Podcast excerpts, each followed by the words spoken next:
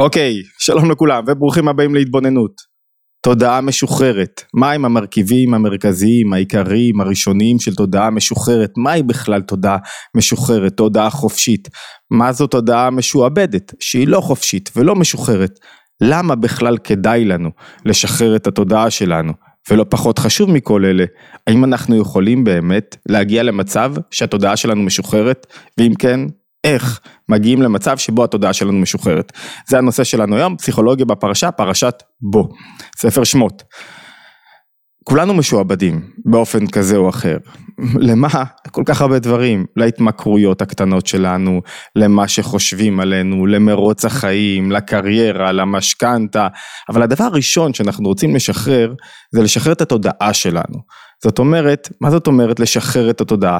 אנחנו נראה כמה מרכיבים שקשורים בשחרור תודעה, אבל אחד הבולטים בהם זה שאני בוחר. אני לא כופים עליי, אני בוחר את המקום שבו אני רוצה להיות, את מה שאני רוצה לעשות, וגם אם אני במקום מסוים, ולכאורה זה כורח, אז אם אני הופך את הכורח הזה לרצון, זאת אומרת, אני רוצה להיות פה, אני לא מוכרח, אני רוצה להשקיע פה, אני לא חייב, אני רוצה לעבוד בעבודה הזאת, אז אני עוזר לעצמי לשחרר את התודעה שלי, כדי לראות את הסיטואציה, את המקום שבו אני נמצא, את המחויבויות היומיומיות שלי באופן שונה. השאלה היא, איך משחררים תודעה, ומהם המרכיבים המרכזיים של שחרור תודעה, של לעבור ממקום מסוים שבו אני עבד ואני מרגיש שאין לי ברירה, אני חייב לעשות את זה, למקום מסוים שבו התודעה שלי משתחררת, ואני מרגיש שאני בוחר, ואני במקום שאני רוצה להיות. אז בואו נראה מה המרכיבים של התודעה, לשם כך נקפוץ לתוך פרשת השבוע. בני ישראל עומדים לפני המכה האחרונה, המכה העשירית, מכת בכורות, ורגע לפני שהקדוש ברוך הוא מוציא אותם ממצרים, הוא אומר להם מה הוא רוצה מהם, שזו בעצם המצווה הראשונה שהם מצטווים בה, האתגר הראשון שהוא ההכנה ליציאת מצרים, ומה הוא אומר להם? קורבן הפסח. קחו פסח, שא תשחטו אותו. אבל לפני כן, הוא מסביר איך לשחוט ואיך לאכול אותו ו, ויש מספר תנאים, אבל לפני כן יש הכנה מוקדמת יותר וחשובה יותר, שממנה נפיק את מרכיבי שחרור התודעה. מהי ההכנה הזאת? אומר להם הקדוש ברוך הוא דברו אל כל עדת ישראל, אומר למשה ואהרון, לאמור בעשור לחודש הזה, בעשירי לחודש ניסן, תיקחו לכם איש שא לבית אבות, שא לבית. קחו שא, תקשרו אותו בקרעי המיטה, תביאו אליכם שא, תביאו אליכם טלה הביתה, תשמרו אותו. ואז הוא מוסיף ואומר להם, והיה לכם למשמרת, עד 14 יום לחודש הזה. ואז תשחטו אותו ואותו כל קהל עדת ישראל בין הארבעים וכולי ויש מגוון דברים שעושים עם קורבן הפסח ועם אדם. והשאלה הגדולה היא מה כאילו עכשיו אני צריך להתהלך ארבעה ימים עם טלה עם שא מה, מה הרעיון שאני אלך ארבעה ימים? אתה רוצה קורבן הפסח? נקריב קורבן הפסח. למה צריכים ארבעה ימים קודם לכן לקחת את, את, את השה, לקשור אותו למיטה ולחכות ארבעה ימים? מה הרעיון הזה? מה זה אומר לנו? מה ההכנה הזאת? למה המצווה הזאת? מה... מה אנחנו מפיקים מתוכה? אז יש הרבה שאלות, ובכלל, למה צריך את קורבן הפסח? מה הוא אומר הקורבן הזה? מה המשמעות שלו שצריכים לאכול אותו, לא להותיר ממנו עד הבוקר, ו- ואת מה שנותר צריך לשרוף, וצריך לאכול אותו מותניכם חגורים נעליכם ברגליכם, וכולי וכולי. אני רוצה להתמקד דווקא בלקחת את השה ביום העשירי לחודש ניסן, וארבעה ימים לאחר מכן רק להקריב אותו קורבן. זו השאלה שלנו היום, זו השאלה שמעסיקה את המפרשים, שהיא תענה לנו על שאלת מרכיבי השעבוד שלנו, ויותר מזה מרכיבי התודעה המשוחררת. אז בואו נתחיל. נקודה ראשונה שאומר דווקא הרמב"ן, ו, ותמצאו אותה גם אצל הרבי מלובביץ', אנחנו נביא כמה עמדות, דעות מהרבי מלובביץ'. בכלל, כשלומדים פרשנים, זה לא שיש פרשנות אחת נכונה ואחרת לא. זה רבדים שונים בהבנת הנפש. יש רבדים שונים, יש זוויות ראייה שונות, שכל פרשן מצביע על זווית ראייה אחרת. הרמב"ן אומר, מה? דבר ראשון, הוא אומר, לוקחים את השה, השה היה האליל של המצריים, הם עבדו את השה, שזה קצת מוזר, עבודה זרה לעבוד דווקא לשה, הם עבדו את השה, ומה מה המטרה המרכזית? המטרה המרכזית קודם כל בשחרור נפשי, בתודעה משוחררת, זה שאתה הולך למקום שבו אתה משועבד. אתה לוקח את השה ואתה משפיל אותו. במשך ארבעה ימים מזמינים את, ה, את המצרים, בואו תראו, בואו תראו את הטלה שלכם, את האליל שלכם עכשיו קשור אצלנו בקריאה המיטה, ועל שם כך על שם כך קרא שבת הגדול, יש את שבת הגדול, בואו תראו את האליל שלכם, ואז המצרים שואלים, מה, מה זה עושה אצלכם, למה אתם לוקחים את האליל שלנו? אנחנו עומדים לשחוט אותו עוד ארבעה ימים. מה המשימה הראשונה לשחרור תודעה? המשימה הראשונה זה להשפיל קצת את המצרים שלי. לא להתייחס, לתת יותר מדי כבוד. היה לי דיון ארוך עם חבר שהוא קרא לה... לצדדים האינטרסנטיים, הנמוכים שבי, לחרדות שבי, לכאבים שבי, לדברים ה... כאילו, יותר מדי מחבק אותם, וזה ויכוח מאוד נפוץ בהבנה של הנפש, יותר מדי נותן להם מקום, יותר מדי מכבד אותם. הוא קורא להם הילד שבי. בשום מקום לא תמצאו את הצד היצר הרע, הסטרא אחא, כל הצדדים השליליים שבי, מקום שבו הוא נקרא הילד שבי. הוא נקרא מלך זקן וכסיל. הצד האחר שבי שמוביל אותי לעברי פי פחת, לבלבולים ולחוסר בהירות ולבחור בדברים הלא טובים. המצרים שבי, מה שחוסם אותי, נקרא מלך זקן וכסיל. ילד מסכן נקרא דווקא הצדדים החיוביים שבי, שהם רוצים לפרוח, רוצים לגדול, רוצים לצאת, אבל המלך הזקן והכסיל הזה ששולט בי לא נותן להם מקום. והוא אומר הדבר הראשון שצריך ללכת לעמוד מול המצרים בלבן שבעיניים ולראות שהם רואים שיש לך ברשותנו את הכבשים הללו, ושהם ישאלו אותנו לשם מה הם מחזיקים בהם, ואתה לא מתפעל מהם. אתה לא מתפעל ממצרים. אתה לא מתפעל מזה שהם, שהוא, שהוא מסתכל עליך ואתה פתאום מורד בו. לפני רגע היית עבד שלו, עכשיו אתה לא מתפעל ממנו. המצרים עבדו לשה, זו הייתה העבודה הזרה שלהם, ולכן ארבעה ימים אני לא מתרשם מהמצרים, אני מראה להם, זה, זה לא שאני עושה להם רק דווקא, זה שאני מפגין עמוד שדרה. אני מחובר לדבר גבוה יותר. ככה אומר גם, אמ, אמרנו הרמב"ן, ועל דעת רבותינו שהיום מצרים עובדים אותו, את, ה, את הכבש, כל שכן שהודיע במצווה הזאת שהשפיל אלוקיהם וכוחם בהיותם במעלה העליונה שלו. זאת אומרת, אני מראה להם, אני לא מפחד יותר ממצרים, כי אני מחובר למשהו גבוה יותר, משמעותי יותר, ככה אני משחרר את התודעה שלי. זאת אומרת, נוריד את זה רגע למקומות יותר אה, קלים לעיכול. אם אני מפסיק לעשן, כל עוד בשלב הראשון של הפסקת עישון אני צריך להסתלק ממקומות שבהם מעשנים סביבי. למה? כי, כי יש סכנת משיכה. מתי אני יודע שהתודעה שלי השתחררה? שאני באמת משוחרר, שאני מוכן לחזור למקומות שבהם מעשנים, וזה לא מגרה אותי יותר. ואני שותה את הקפה שלי, ולא מחשבן, ולא לחוץ. כשאני עובר ליד מקומות שבהם הייתי רגיל לאכול אוכל לא בריא, וכל הזמן זכרתי שהייתי אוכל את האוכל הזה, ולכן הרשיתי לעצמי לאכול את האוכל הלא בריא הזה, ועכשיו אני עובר שם ואני אפילו לא מתפתה. ואני עובר עם האוכל הבריא שלי, ואני לא מתרגש יותר מדי. זאת אומרת, אני אפילו לא, אני לא אקנה ממך את האוכל שלך, כי הוא לא טוב לי. לא מפחד למחזור, לחזור למקומות שהיו מאיימים עליי. למה? כי באמת התודעה שלי עכשיו זה שלב ראשון בלהשתחרר. שלב הראשון בשחרור זה שהאדם לא נבהל מהאמת שלו, אי אפשר לא לחשוב על זה בקונטקסט הנוכחי, אחד הדברים שהרבי מלובביץ' היה חוזר עליהם שוב ושוב, זה שכשאדם מפגין תוקף כלפי המציאות, המציאות מכבדת אותו. כשאדם הוא כן, לא, לא יודע, אני, מה אתה אומר, מה אתה אומר, בוא תשמע מה אני אומר, בוא תהיה עבד שלי, בוא תקשיב לי, אני אשלוט בך. אומר אותו דבר ביחסי ישראל-ארה"ב, שכבר הם במשך עשרות שנים מתנהלים סביב העניין הזה. כשישראל מפגינה תוקף, ארה"ב אומרת אוקיי, אנחנו הולכים בתוקף, מבינים את זה. כשישראל מרכינה את הראש ולא סגורה על עצמה ומפוחדת ומבוהלת, אז ארה"ב תשלוט. במערכות יחסים זה כך, כשאתה מפגין תוקף, אבל תוקף לא סתמי, לא שרירותי, תוקף לדבר מסוים שהוא חשוב ואתה מאמין בו. לכן המרכיב הראשון של תודעה משוחררת הוא מה? עמוד שדרה. לא לפחד מהמצרים, להשפיל את מצרים. במקום שבו אתה עבד של מצרים, התודעה שלך לא משוחררת. נקודה שנייה שמביא הרמב"ם, הוא אומר, איש שא לבית אבות, מה זה טעם המצווה הזאת? מזל של חודש ניסן, מה היה המזל של חודש ניסן? טלה.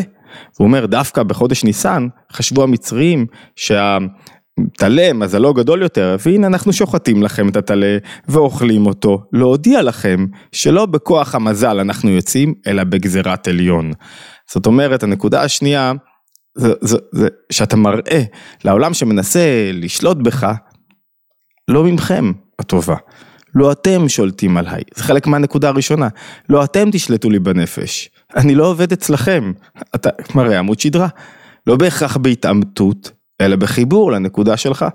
פה במקרה יש באמת התעמתות, כי, כי שוחטים להם את הסט, כל מה שהם מאמינים בו. כשאדם מחובר לעצמו, לא העולם החיצוני שולט בו. כשאדם מראה תוקף, העולם החיצוני שכל הזמן מנסה להסיט אותו מהתוקף שלו, שוקט קצת, בכל תחום בחיים. כשכולם, אבל הם, אבל הם, אבל הם, אבל הם, אבל הם, אתה לא מחובר לשום דבר. זאת אומרת, הנקודה השנייה היא, שאתה מחובר לכוח עליון גבוה יותר, ולא המזלות, לא הדברים התחתונים, אומר הרמב"ם, הם ששולטים בך. זה לא במזל שאנחנו יוצאים מכאן. אנחנו יוצאים מכאן בגלל שאנחנו לא מחשבנים לכם, כי אנחנו מחוברים לנקודה גבוהה יותר. נקודה שנייה, או שלישית, תלוי איך אתם סופרים. האור החיים אומר, אומר ככה, אומר, ישראל היו סרוכים קצת בחוקי העבודה הזרה מעצם היותם בין המצריים. זאת אומרת, כשאתה במקום מסוים, אין סיכוי שלא תהיה מושפע ממנו. ישראל היו במצרים, עובדי, עובדים בפרך, ואז אין סיכוי שהם לא היו קצת סרוכים, קצת נדבקה בהם עבודה זרה.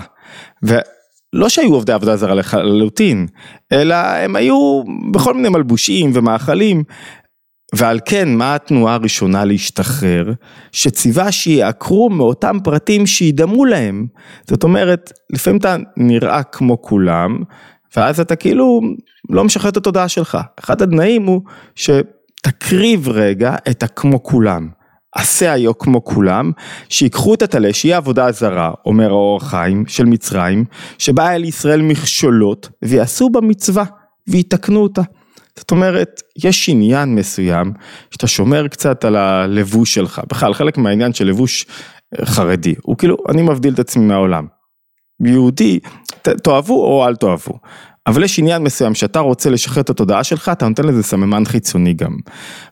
יהודי בכל דבר שהוא עושה, מבדיל את עצמו, יוצר איזה הבדלה במה שהוא עושה, מקדש את זה. כוס צריכה להיות טבולה, הוא מברך לפני שהוא אוכל שותה. זאת אומרת, יש כאן תנועה מסוימת בנפש של הבדלה והתקדשות, והקרבה, משהו לכאורה כמו כולם. עכשיו זה מעצבן. מעצבן אנשים, כשמישהו אתה לא שותה מהכוס שלו, ופה נכנסנו לעניין, להארדקור יהודי, כשאתה לא שותה מהכוס שהוא מגיש לך בגלל שהיא לא טבולה, בגלל, הוא אומר, די, מה אתה רוצה? אז אתה אומר לו, אני מבדיל את עצמי כדי לשמור על עצמי. חלק משחרור התודעה שלי, שאני שומר על עצמי, מבדיל את עצמי, קצת אני לא כמו כולם, בכל דבר ועניין. מרשה לעצמי להיות מיוחד, מרשה לעצמי להגיד שבשעות האלו בערב אני אה, לומד ולא משחק בחוץ. שכולם עכשיו עושים משהו ואני עושה משהו אחר. אתה לא יכול להיות בעל תודעה משוחררת, אם אין לך סממן פיזי, גשמי, מסוים כלשהו, שבא לידי ביטוי בעולם הממשי, ומבדיל אותך קצת מהעולם. מהו? תחליט. תחליט מה הסממן שלך. יש ביטויים שונים, אבל עצם התודעה היהודית אומרת לך, תשמור על הבדלה. אם אתה לא שומר על ההבדלה שלך, העולם ישטוף אותך. העולם ימחק אותך, העולם, האינטרסים, הכלכלה, כל מיני דעות שגויות שיש בעולם. אל תתפעל אמרנו זה השלב הראשון. השלב השני, או הפירוש השני של האור החיים, תדע להפריד בין טוב לרע. תדע מה, מה אצלך כמו כולם שזה יעשה, ואותו דווקא אתה מקריב. זה לא פותר לנו את בעיית ארבעת הימים. תכף נ, נ, נתקדם לבעיית ארבעת הימים. נקודה ח... נוספת, שלישית, אומר המגיד ממזריץ', אין תודעת שחרור, או אני אומר את זה בשם, תוך כדי קריאת התורה שלו, בלי תענוג, וכך הוא אומר, אומרתם, ואמרתם זבח פסח. מה הכוונה של זבח פסח? שיש שני סוגי תענוגים, כך בלשונו, המגיד ממזריץ' באור תורה. אני מזכיר לכולם, כל המקורות עולים לאתר התבוננות, שווה לעיין בהם בנפרד, אה, וכמובן, אם כבר עצרתי לרגע אחד לפני המגיד ממזריץ', אז אני אזכיר לכם להירשם לערוץ שלנו, ואני אזכיר לכם שאנחנו... אה, אה, יש קבוצות וואטסאפ שמקבלים בהם עדכון יומי, יש הרבה פעילות באתר התבוננות וגם אנחנו מקיימים סדנה פרונטלית בראשון לשלישי, נדמה לי, אם אני לא זוכר, אם אני זוכר טוב, זה כ"א אדר. אה, הראשון לשלישי, יום שישי, 9 עד 12 בזאפה אה, בפארק, גני יהושע בתל אביב, מספר מקומות מאוד מצומצם, הנושא של הסדנה הוא להפוך אה, חולשות לחוזקות, כל הפרטים באתר התבוננות, אוקיי, בואו נמשיך. המגני מזריץ' אומר כך, אומר, יש שני סוגי תענוגים, אחד לנצח אויב, תענוג, התגברת על משהו, זה מה שהוא מנצח. והשני זה להציל את בנו מדבר שלא טוב לו. כשאתה רואה שאת הבן שלך משתקם וצומח, אתה שמח, וזה בא מאהבתו אליו. וביציאת מצרים היו שני התענוגים גם יחד, גם לנגוף את ישראל וגם גם לנגוף את המצרים וגם להציל את ישראל. וצריך שבמה שאתה עושה, מה שהוא אומר, יתגלה תענוג. תענוג זה כוח החיים. דיברנו פה בערוץ הזה לא מעט על תענוג, אני חושב שזה אחד המושגים שהכי עוסקים בהם בתורת הנפש ביהדות. למה? כי אתה לא יכול להיות, לעשות משהו ואתה, אוף, איזה באסה, מחויב. תענוג הוא לא תענוג תמידי, זה לא שהוא כל הזמן בעיר בך. אבל יש נקודת תענוג, שאני אני, אני יודע למה אני עושה את זה, כי אני, אה, אני שייך לזה. כשאני עוסק במשהו, ויש לי בו תענוג, יש בזה שחרור גדול מאוד. כולם יודעים, זה שחרור, יש בתענוג אפילו תענוג פיזי. כשאין לי תענוג, שהתענוג יש בו שני ממדים, גם אני בעצמי מסתלק מדברים לא טובים לי, מציל את ישראל, נלחם, מנצח אויבים, מנצח את הרע שבתוכי, וגם צומח בעצמי.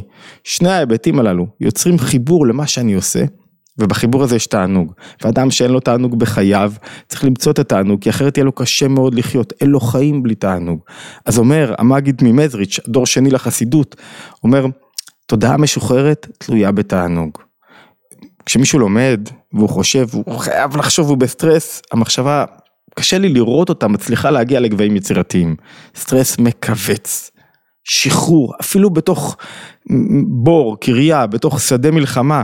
רגע, איזה שחרור, או, או, או שאתה פתאום משנה זווית ראייה, שחרור שיש בו תענוג, לא במובן של שמחה או היעדר כאב, אלא, אלא אני מחובר למה שאני עושה, אה, קופץ לי תובנה, אני רואה מה צריך לעשות. רואה את זירת הקרב אחרת, רואה את התפקידים שלי בעולם אחרת, התודעה שלי משתחררת, רואה למה אני אזוק. מה עושה היצר, ההתמכרות, התאוות? מצמצמים אותי, גורמים לחוש שבלי זה אני לא יכול. התענוג משחרר אותי, תענוג אמיתי, משחרר אותי, מרחיב אותי. אוקיי, בואו נתקדם עוד טיפה. למה ארבעה ימים? המהר"ל מפראג, בגור אריה, אומר כך, רק שנייה.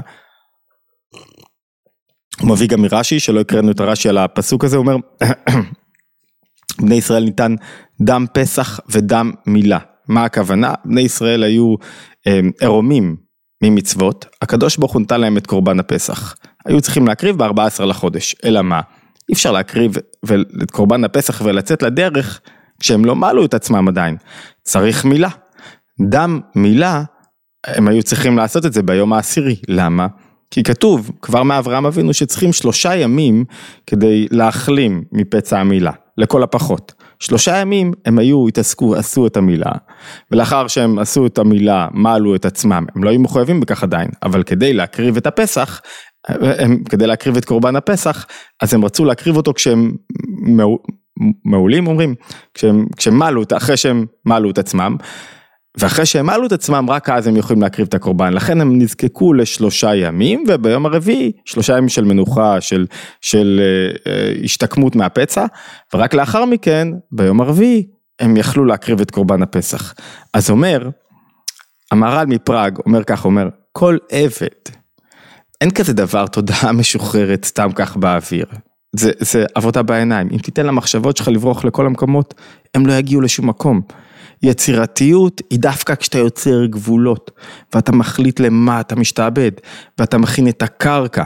אין דבר כזה מחשבה יצירתית, מחשבה משוחררת שעולה מתוך ריק, כלום. אתה חייב לבנות את, ה, את, ה, את, ה, את השדה, כדי שיהיה בו, כדי שהגשם שירד יזרע משהו. לא קופצות לי מחשבות יצירתיות לגבי כימיה, בניגוד לחבר שלי פרופסור דוד אייזנברג, למה?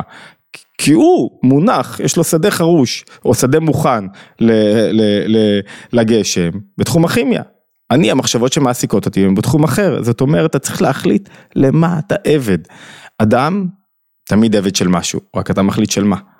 או למשהו מלמטה למעלה ששולט בך, הרגשות, היצרים, הכעס המגיע לי, או מלמעלה למטה, שאתה מחליט, וכדי שתהיה עבד מלמעלה למטה, מסביר המהר"ל מפראג, צריך שכל עבד יהיה לו חותם עבדות. כי דתנן, ככתוב במסכת שבת, אין עבד יוצא בחותם שלו בשבת. זאת אומרת, מה החותם שלך? ברית המילה. הנכונות של בני ישראל למול את עצמם ביום העשירי לחודש, הוא חותם העבדות שלהם, הוא התמקדות שלהם שהם אומרים, אנחנו מעדיפים עכשיו להיות עבדים של הקדוש ברוך הוא, על פני עבדים של מצרים. עצם התנועה הנפשית הזאתי, היא השאלה שכל אדם צריך לשאול את עצמו, למה אני עבד?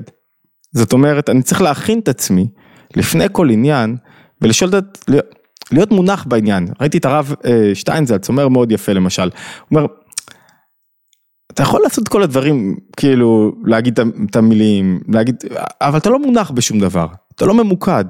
כאילו, אחד העניינים הכי מרכזיים זה שאתה מכין את עצמך לקראת משהו, אתה בוחר לקראת משהו.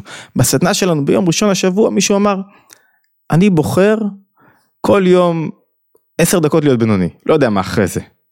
שעתיים מהקרבות אני בינוני, דרגת בינוני על פיטניה זה מי שמנצח כרגע את הקרבות שלו. מתגבר על החרדות שלו, על העצבות שלו, על הכעסים שלו, על הביקורתיות שלו, על המרמור שלו. עכשיו אני בדרגת בינוני, פס, מדהים. זאת אומרת ההכנה הזאתי, זו הכנה למה אני משועבד בשעתיים הקרובות. אי אפשר בלעדיה להצליח. אוקיי, בואו נתקדם עוד טיפה. קדושת הלוי, עוד הכנה, עוד מרכיב מאוד משמעותי, שקשור בשחרור ותודעה משוחררת, אומר רב לוי יצחק מברדיצ'ב, מביא פסוק מתהילים, קי"ח-י, אומר כל גויים סבבוני בשם השם כעמילם. אומר, מה זאת אומרת כל גויים סבבוני בשם השם כי עמילם? ואז הוא ממשיך, סבוני גם סבבוני בשם השם כי עמילם. אוקיי, מה, מה זה אומר בפשט? אויבים שלי, גויים, היו סביבי, ואני בכל זאת הצלחתי להרוג אותם, המילם זה כאילו להרוג אותם, לא להשאיר להם מקום.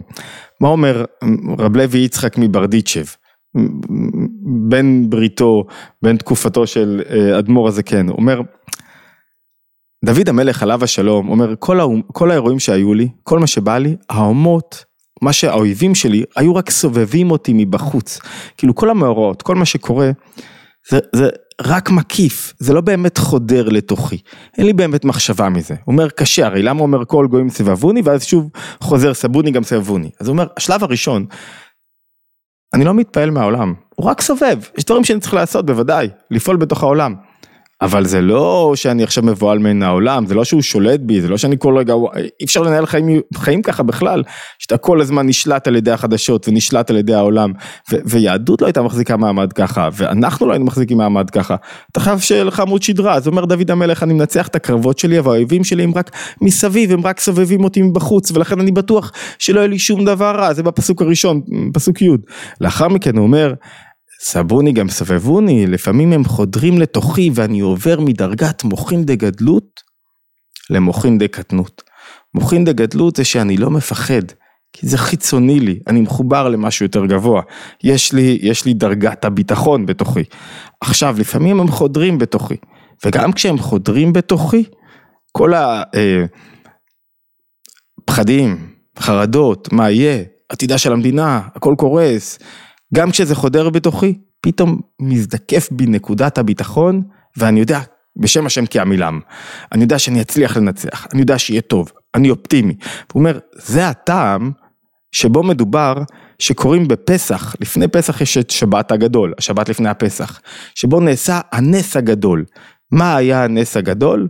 שם, אחת הסברות, אחת הדעות זה שהמצרים מגיעים לראות את בני ישראל, שאוזקים, קושרים את, ה, את הכבש, את השה, בקריאה, למיטות שלהם, ואז הם חוז, שואלים אותם מה אתם עושים כאן, ואומרים להם אנחנו עומדים, אה, מכת הבכורות, עומדים להקריב את קורבן הפסח, ואותכם להרוג, אתם הבכורות, בכורות, בכורי מצרים. המצרים חוזרים לאבותיהם, למצרים, בכורי מצרים חוזרים לאבותיהם, אומרים להם ככה הם עומדים לעשות לנו, תשחררו אותם, המצרים לא רוצים לשחרר אותם, והנה מתחילה מלחמה. ויש נס גדול. הנס הגדול זה שהמצרים הורגים אחד את השני, הבכורים נלחמים עם אבותיהם. שואל, שואל אה, אה, רב לוי יצחק מברדיצ'ב, אז מה הנס הגדול? היו לי, כי לא היו ניסים גדולים יותר מזה? נס קריעת ים סוף ושאר הניסים שעשה השם יתברך עם בני ישראל? היו ניסים יותר גדולים. אז הוא אומר, רק רמזו לנו, מה הנס הגדול פה? לא במה שהקדוש ברוך הוא עשה, אלא בהכנה שלנו. מה הכוונה?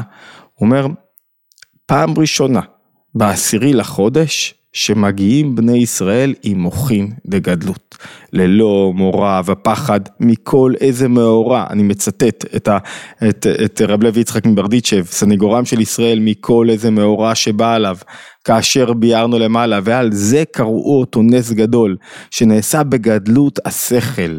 שלא היה להם מורא ופחד מן המצרים, אף על פי שהיו רוצים לשחוט את אלוקיהם. זאת אומרת, בני ישראל לקחו את העשה, קשרו אותו, הנס הגדול זה שהם לא פחדו. פעם ראשונה קיבלו הוראה מהקדוש ברוך הוא ממשה ואהרון, לא פחדו בביצוע.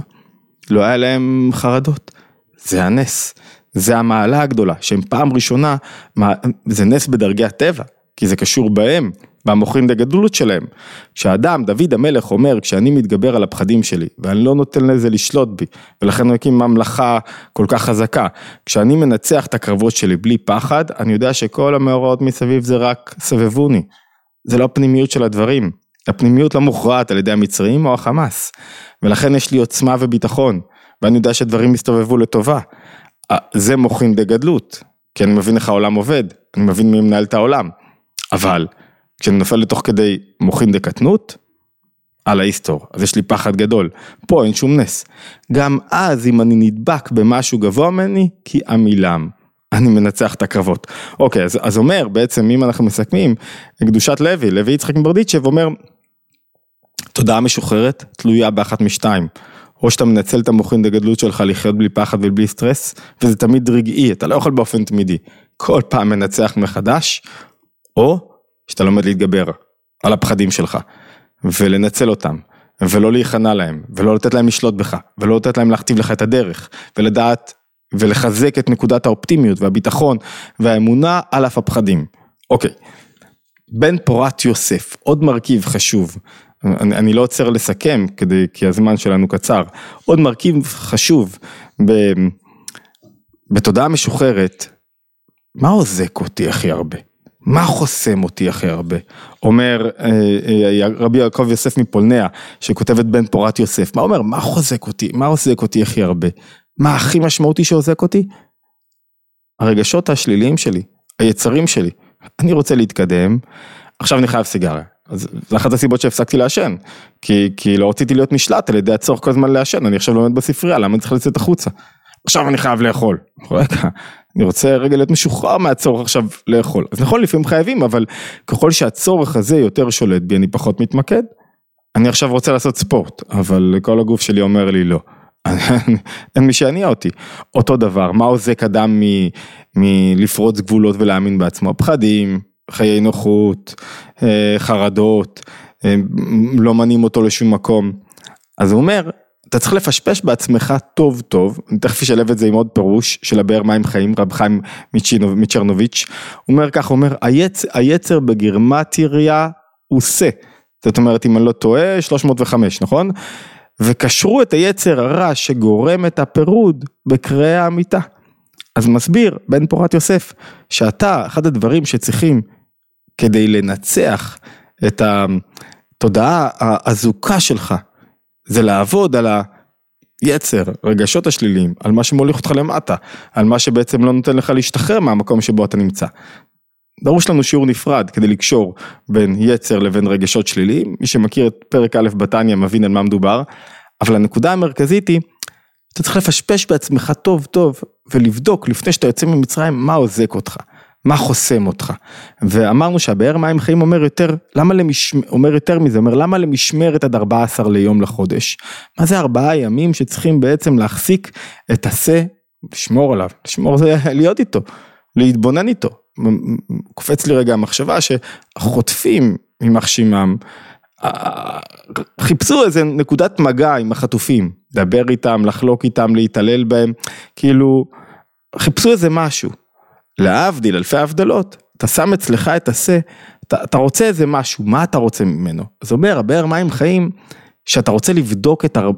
שני דברים, ארבעת היסודות, ארבעת היסודות, אש, רוח, מים ועפר, שהם בעצם מרכיבים את התנועות הרגשיות שלי, לבדוק איזה יסוד הוא יותר דומיננטי בנפש שלי, יותר שולט בי, כזה שיוצר אצלי חסם, האם זה יסוד האש שיש בו כעס וביקורתיות ושליליות, או אם זה יסוד המים שזה נטייה להתמכרויות ולדברים אחרים ששולטים בי, האם זה יסוד הרוח שיש בו קצת רצון לרצות, יותר מדי מה יחשבו בי, האם זה היסוד האפר שיש בו לפעמים נטייה לעצבות או, או דיכאון, איזה יסוד עכשיו מפריע לי לשחרר את התודעה שלי, וגם ארבע דרגות הנפש.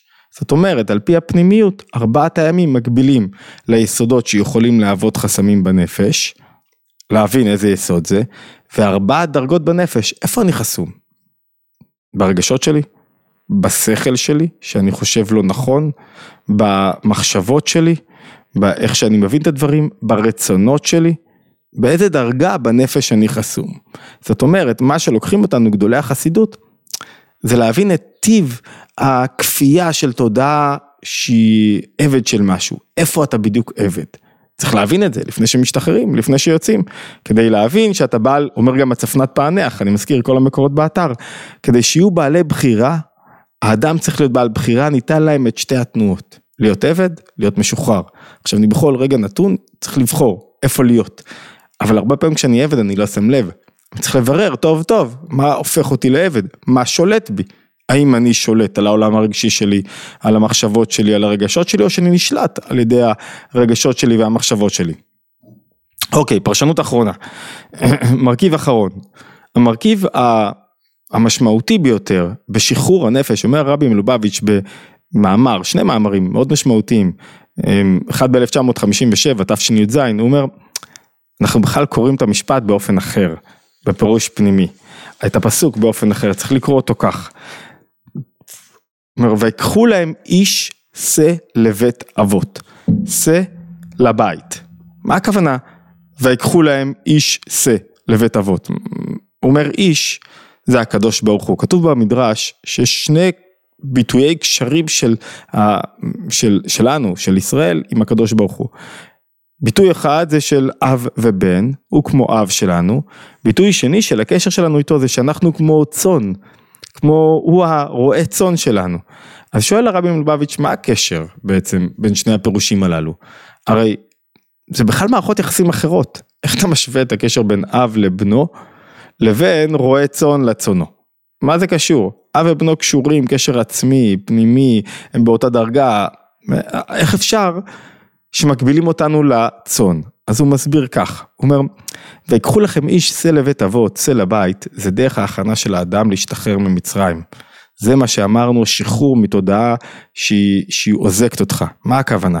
איש, הוא אומר, זה האופן שבו הבורא מתגלה בעולם. לקדוש ברוך הוא אין דמות ואין, אתה לא יכול לתפוס אותו, אבל כן, ספרות הקבלה משרטטת לנו הבנה מסוימת של האופן שבו הקדוש ברוך הוא מתגלה. איך נכון שהוא יתגלה. כל דבר בנפש בריאה אנחנו לומדים מהבורא. זאת אומרת, איך הבורא, איך הכוחות שלו, איך עשר הספירות שלו מתגלים בצורה נכונה בעולם. אז מסביר, מסביר רבי מלובביץ', ויקחו להם איש, הדבר הראשון שאתה צריך להיות מוכן להסכים, ללמוד אודות הנפש שלך, איך היא צריכה להתגלות נכונה, נכונה, כמו איך שהמידות של הבורא מתגלים בתוך העולם. ייקחו לכם איש. שא זה בעצם מה מעלת השא על מעלת הבן. מעלת השא שהוא הולך, לא שואל שאלות. יש לו את תנועת אומרים כך, מסירות הנפש, הנכונות להקריב את עצמו. זה כמו העקדה, שגם העוקד וכמה נעקד היו מוכנים להקריב את עצמם.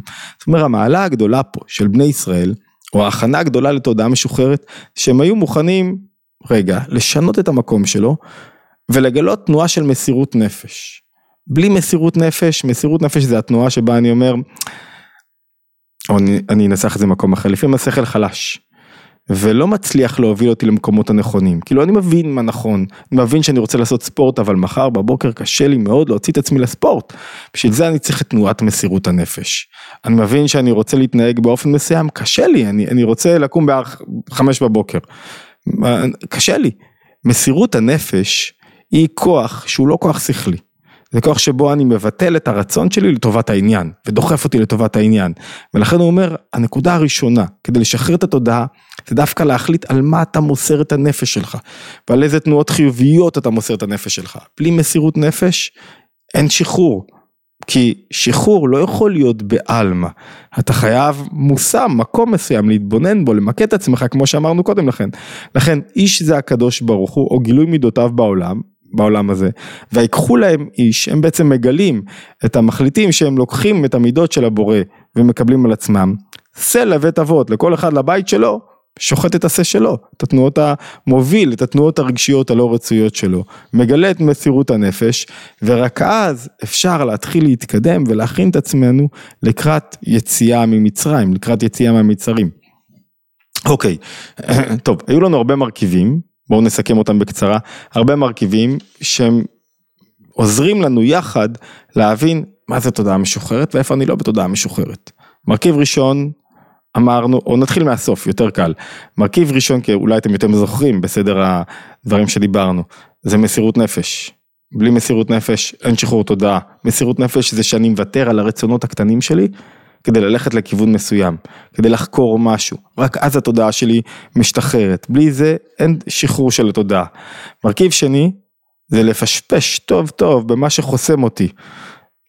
איזה תנועות רגשיות, יסודות, דומיננטיים אצלי ויותר מדי שולטים בי. אני חסום, אני אטום, אני יותר מדי לא מוכן להקשיב לאחרים, אני מרצה מדי, אני חושב שהדברים לא הולכים כמו שאני רוצה ולכן נכנס לעצבות. איזה מארבעת היסודות ואיזה דרגה בנפש חסומה אצלי ולא גורמת לי לשחרר את התודעה, זו הנקודה השנייה שלנו.